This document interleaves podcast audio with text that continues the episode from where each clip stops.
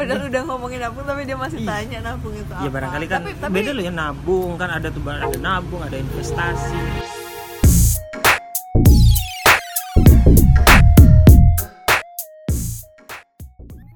Assalamualaikum warahmatullahi wabarakatuh. Waalaikumsalam warahmatullahi wabarakatuh. Kenapa ya, pengen jawab? ya memang harus kamu yang jawab. Oke, kali ini saya ditemanin oleh wanita yang super alay, bisa dikatakan cantik. Ya kata orang cantik sih, tapi terima kasih yang bilang aku cantik ya oke siap kamu bosku. dengerin ini kan Aduh, memang dia gombalannya orang ini memang luar biasa. Tuhan. Ya, sebelum nanti kita akan berbicara bincang-bincang santai ke depan, saya ingin perkenalkan dia terlebih dahulu, tapi bukan saya memperkenalkan, biar dia sendiri yang memperkenalkan. Silakan. Nggak, kenapa nggak sopan aku disuruh kenalan sendiri cuma karena aku baik tidak aku permasalahkan Siap, monggo. Iya nama saya MS Roro Kartikosari Ya gak usah sok manis juga, nama panggilannya aja. Nama panggilan Roro Asal, Asal. tempat tanggal lahir, jalan rumah, nomor Janganlah. HP dan lain sebagainya. Jangan aku takut nanti ada yang nyamperin Siap.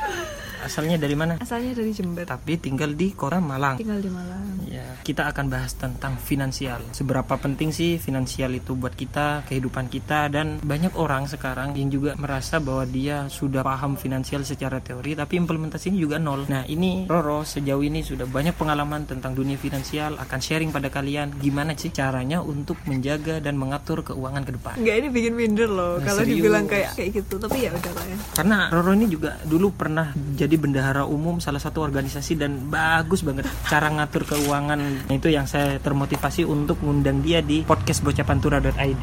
Semoga bener ya yang diomongin dia ya Pertanyaan simple pertama. Ini saya coba interogasi lah. Siapa sih yang sebenarnya perlu untuk ngolah keuangan itu? Iya semua orang Semua orang yang punya uang perlu ngelola keuangan ya bener kan Iya ya, kalau gak punya uang apa yang mau dikelola? Emang kalau punya uang berarti harus ngelola. Emang kenapa sih perlu atau penting gak sih untuk ngelola keuangan itu? Penting-penting nggak penting ya Bahkan orang yang punya uang banyak banget aja Mereka ngelola keuangan Berarti orang yang nggak punya uang atau sedikit uangnya, dia berarti wajib lebih mengelola keuangannya. Iya iya nanti kalau dia nggak bisa ngelola uang habis uangnya atau tetap habis tapi mungkin arah keluarnya itu ya yang gak jelas itu harus diatur Iya gitu ya. Sebenarnya tadi pertanyaan eh, siapa yang ngelola keuangan Iya siapa katanya semua orang Iya itu semua orang. Kenapa kok semua orang? Iya. Kenapa semua orang? Mungkin orang mikirnya orang yang perlu ngelola keuangan tuh orang yang udah rumah tangga atau mungkin yang udah punya penghasilan sendiri. Padahal ya enggak kan? Nyiapin masa Mahasiswa. gitu ya Iya. Padahal mahasiswa aja harus bisa ngelola keuangan anak kos. ya kan kalau nggak ada tinggal mah transfer uang kos sudah habis Iya, uang mungkin makan itu habis kalangan atas kali ya, kalangan elit, iya kalangan bagi elit. beberapa orang aja sih kayak gitu tapi nggak semua orang lah Hmm, cuma mayoritas kan kalau namanya anak kos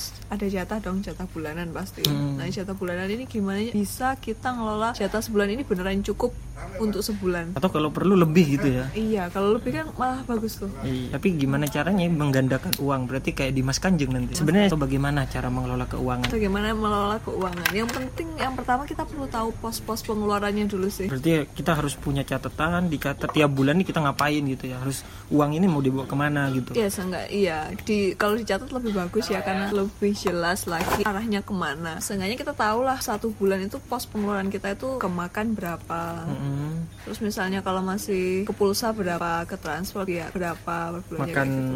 ngajak pacar ngedate berapa Oh iya, gitu. itu Kan harus termasuk dicatat sih juga ya. Karena itu Soalnya pengeluaran. penting emang Iya, gitu. penting. Jangan-jangan tiap hari kita harus traktir orang nongkrong gitu kan kadang-kadang juga habis uang kos juga terpakai nantinya. Iya bener Ya banget. berarti harus atur keuangan. Kalau bicara tentang keuangan, finansial segala macam itu kan pasti ada kaitannya nih dengan kebutuhan sama keinginan. Dan kalau saya pernah belajar waktu di SMP itu kan ada kebutuhan primer, sekunder segala macam. Nah, ini saya tanya simple aja. Sebenarnya kalau misalkan keuangan itu kita prioritaskan pada keinginan dulu baru kebutuhan atau dua-duanya harus kita lakukan atau keinginan jangan dulu. Kita harus prioritaskan kebutuhan, keinginan ini harus kita nggak kita realisasikan gitu. Atau gimana? Nah itu tadi kan kita udah punya pos-pos pengeluaran tuh. Eh, ada mungkin yang termasuk ke kebutuhan, ada yang Ha. mungkin ke keinginan. Nah itu kita rincikan lagi mana yang termasuk kebutuhan primer, sekunder, tersier. Nah. Kalau udah tahu kebutuhan primer yang mana, sekunder yang mana, tersier yang mana. Nah ini yang primer ini kan nggak mungkin ditinggal. Heeh. Pasti. kan pasti orang ingin sesuatu gitu kan apalagi di kota Malang nih salah satu kota besar itu kan keinginan men- menutupi kita dari gengsi juga ya kan misalkan wah teman-temanku pakai ini semua saya harus pakai juga dong weh teman-temanku sudah pakai baju brand ini jam tangannya ini dan HP-nya sudah ini semua berarti saya harus nah, itu gimana Nah itu kan keinginan sekunder ya Bahkan mungkin tersier kalau udah Ah, tujuannya itu cuma buat gengsi. Iya, nah, itu gengsi. kita kita pilih lagi lah yang mana memang yang perlu dan kita mampu, mana yang kita mungkin nggak terlalu perlu dan mungkin kita nggak mampu.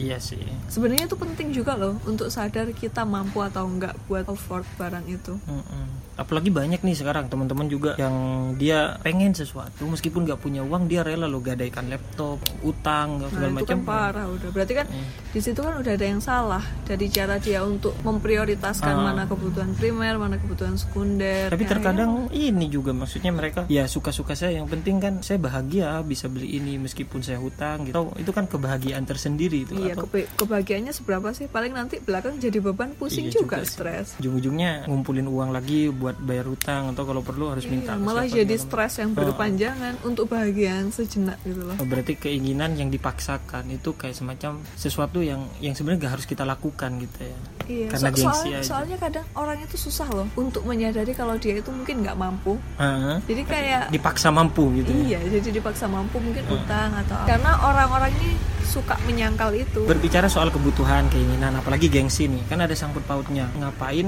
kita ngatur keuangan, memprioritaskan kebutuhan? Ujung-ujungan pasti uangnya terus mau diapain? Kalau kita sudah beli nih, beli kebutuhan per bulannya sudah dapat nih, ini segala macam. Tapi masih ada nih kita saving money, nabung. Terus nabung ini buat apa? Apa memang penting nabung itu? Ya penting. Aku nggak tahu sih. Kayaknya dari SD kita udah sering banget dengar Iya. Pokoknya di, di Nabung, menabung iya, pangkal kaya. gitu menampung pangkal kaya udah sering dengar dan dibiasakan kayaknya ya. Heeh. Kayaknya semua orang Indonesia waktu kecil pernah tuh punya celengan ayam. Dibiasain nabung dari kecil, nyimpen uang. punya aku kayaknya bukan ayam deh sapi kayaknya agak besar tapi isinya nggak ada karena emang saya nggak suka nabung sih dari dulu Nah itu kan kayak gitu. Sebenarnya kebiasaan-kebiasaan kayak gitu kan kenapa dibiasakan? Ya karena memang karena memang penting. Dan nabung itu sebenarnya kebiasaan dari kecil ya. Kalau dari kecil biasa nabung dia sampai besar pun akan kebiasaan nabung. Kalau dia nggak biasa nabung kemungkinan besarnya juga dia nggak punya habit nabung tuh. Ke- kalau tiba-tiba harus nyimpen uang dia bingung. Ini aku punya uang nih kenapa Ah. nggak aku pakai? Nah, karena dia nggak punya ujung-ujungnya beli sesuatu gitu meskipun nggak nabung. Iya tapi memang kalau misalkan ujungnya kita beli sesuatu kenapa nggak beli sekarang hal yang kecil daripada kita nabung membeli sesuatu juga nantinya gitu. banyak lah manfaatnya ya maksudnya kita kan nggak pernah tahu kita bakalan punya uang terus apa enggak kita bakalan Hmm. ada apa ke depannya kita nggak pernah tahu kalau Iya. tiba-tiba Kalau nauzubillah kerja, sih eh, misalnya di PHK kalau gitu ya. kerja di PHK atau mungkin nanti ada sesuatu yang membuat kita harus mengeluarkan uang misalnya nauzubillah ya Kecelakaan gitu. atau apa kayak gitu kan Mm-mm. Perlu uang nah gunanya tabungan itu apa dana darurat gitu ya salah Nah, dari satunya kemarin kan juga itu covid Heeh. banyak juga kan yang akhirnya ngeluh ngeluh bingung mau Oh, gimana sih. karena nggak punya cadangan ya akhirnya dia punya simpanan jual maksudnya. ini jual itu karena memang kan di pandemi ini kan salah satunya uang tabungan juga bisa terkuras orang orang kita. jadi melek finansial loh gara-gara corona juga. Iya ujung-ujungnya dia corona. mau gak mau harus nabung sudah gitu. Ini udah pelajaran buat hidup. Ya kalau kita udah tadi kan bicara finansial pentingnya kebutuhan keinginan. Ya kan nabung kan banyak macamnya gitu. Kan tadi kayak celengan ayam nabung. Terus Iya, benar, naruh benar. uang di dompet nabung. Iya bener Nyel- nyelintipin uang di lemari itu di Nabung iya juga. nabung juga gitu. Maksudnya nabung ini sebenarnya gimana? Apa cuma naruh uang atau gimana sih? Ini yang saya bingung di situ. Tapi iya loh maksudnya orang tahunya mungkin nabung nyimpen uang ya. Eh, eh, naruh gitu yang penting uang oh saya punya uang 100 ini nggak dipakai sudah saya taruh. Entah itu taruh di lempitan baju. Di banyak yang nggak tahu Heeh. tentang nabung. Mungkin taunya nabung itu nyimpen uang. Aku dulu juga taunya nabung nyimpen uang ya doang. sampai sekarang juga ya sedikit banyak saya taunya gitu nabung itu. Jadi kalau aku sampai kuliah itu oh enggak. Kalau aku kuliah aku nabung memang itu pernah kuliah ya? Enggak sih. Aku cuma SMA aja. Jadi waktu SMA aku nggak punya rekening kan? Hah, aku nabung itu taunya ya nabung di dompet di bawah bantal. Hmm, khas mama mama banget. Hah, nah terus waktu kuliah punya rekening. Hmm. akhirnya nabungnya di rekening itu tadi rekening tabungan akhirnya punya sendiri rekening yang khusus buat tabungan jadi memang setiap setiap ada pemasukan atau ada rezeki gitu taruh di iya situ maksudnya gitu ke ya. situ Ah. nah terus ternyata waktu aku udah lulus kuliah iya ternyata nabung itu nggak cuma nyimpen uang di rekening tabungan doang tapi kita bisa nabung banyak eh, yang macamnya gitu iya apa aja itu di mungkin teman-teman juga pengen tahu gitu Ah. ya kan nabung itu kan banyak jenisnya gitu Iya, ternyata nyimpen uang itu bagusnya malah bukan cuma nabung doang. Kalau nabung doang kan nabung di rekening nih. Ah, tahun 2010 uangku 5 juta misal Iya, kepotong Nanti dong per bulannya itu. 2014 kalau 5 juta kayaknya Jadi 3 juta sekian. nggak juga sih Ah. cuma kalau di rekening kan mungkin 5 juta eh, beberapa tahun kemudian dia akan tetap jadi 5 juta Tapi dipotong ini ya, dipotong potongan ya dia, admin admin dan admin per lain-lain itulah cuma kalau kamu nabungnya itu di emas beberapa tahun ke depan dia dia ngikutin ini nih Inflasi ya. inflasi Nah, emang pernah kah pernah nyoba nabung di emas gitu atau dan dapat keuntungan gitu di emas? iya tahunya kan juga waktu udah itu udah udah lulus kuliah. udah ya? lulus kuliah udah lulus kuliah ngerasa Ah. ada tabungan nyari nyari lah belajar di YouTube di Google Ah. tentang investasi investasi ternyata banyak kan jenisnya ada investasi properti saham emas terus aku nyari juga yang sesuai sama budgetku Heeh. nah emas ini termasuk masuk termasuk masuk gitu. bahasa Jember itu ya termasuk masuk. nah budgetnya masuk nih. Terus kebetulan emas juga yang resikonya tuh paling rendah Dari beberapa investasi yang dari tadi. beberapa itu. investasi yang lain emang returnnya juga nggak itu sih nggak terlalu tinggi tapi karena dia resikonya paling kecil dan aku orangnya takutan ya udahlah aku coba dulu yang paling aman Ah, investasi emas emas, dulu gitu ya. Itu di emas berapa tahun dan dan kerasa gitu keuntungannya. Maksudnya minimal adalah lebih oh ternyata saya nabung sekian satu tahun kemudian sudah sekian gitu. Emang Eh, Nah kalau emas ini sebenarnya lama ya, Ah. soalnya dia itu harga beli sama harga jualnya selisihnya lumayan tinggi, ah, lumayan tinggi dan dia naiknya itu juga nggak yang pesat, pelan drastis pelan gitu ya. pelan pelan. Bahkan ketika mungkin harga emas naik, ketika kamu jual ini bisa-bisa nggak nutup dari harga belimu awal. oh bisa jadi kayak gitu ya Bisa kadang-kadang. jadi karena waktunya masih sedikit, jadi kalau mau investasi emas jangka waktunya mungkin bisa Tahunan. jam- iya tahunan. nggak bisa bulanan berarti beli sekarang dua bulan kemudian dijual gitu masih belum kerasa berarti ya investasinya Bisa-bisa malah berkurang Oh, turun iya. harganya tadi. Jadi hitungannya biasanya tahunan lah. berarti sekarang aktivitas di Malang ini apa kerja kerja sama bisnis ya merintis ya jangan bisnis kalau bisnis kesannya udah oh sudah besar gitu Udah sudah punya besar. banyak omset segala macam atau sebutlah belajar Ah. belajar sambil jalan belajar sambil jalan atau belajar jalan itu bisa jadi oh iya Ya, belajar ya. jalan tapi sambil kerja juga sambil kerja juga Nah, berarti hasil dari kerja itu per bulannya tetap masih diinvestasi. Selain di emas ada lagi kah investasi selain itu? Yang mungkin teman-teman yang dengerin juga, oh iya berarti selain emas nanti saya kalau punya uang oh iya di sini atau di mana gitu. jadi habis belajar investasi emas tadi kan baca-baca juga tentang investasi yang lain akhirnya tahu juga tentang saham Hmm, nah nih saham ini katanya kan naiknya lebih cepat naik turunnya lebih apa naik ya turunnya ya lebih lebih cepat lah. lebih Lebih mengejutkan pesat, lebih ah. mencengangkan Lebih mempusingkan kalau turun, ya, lebih menyenangkan kalau naik.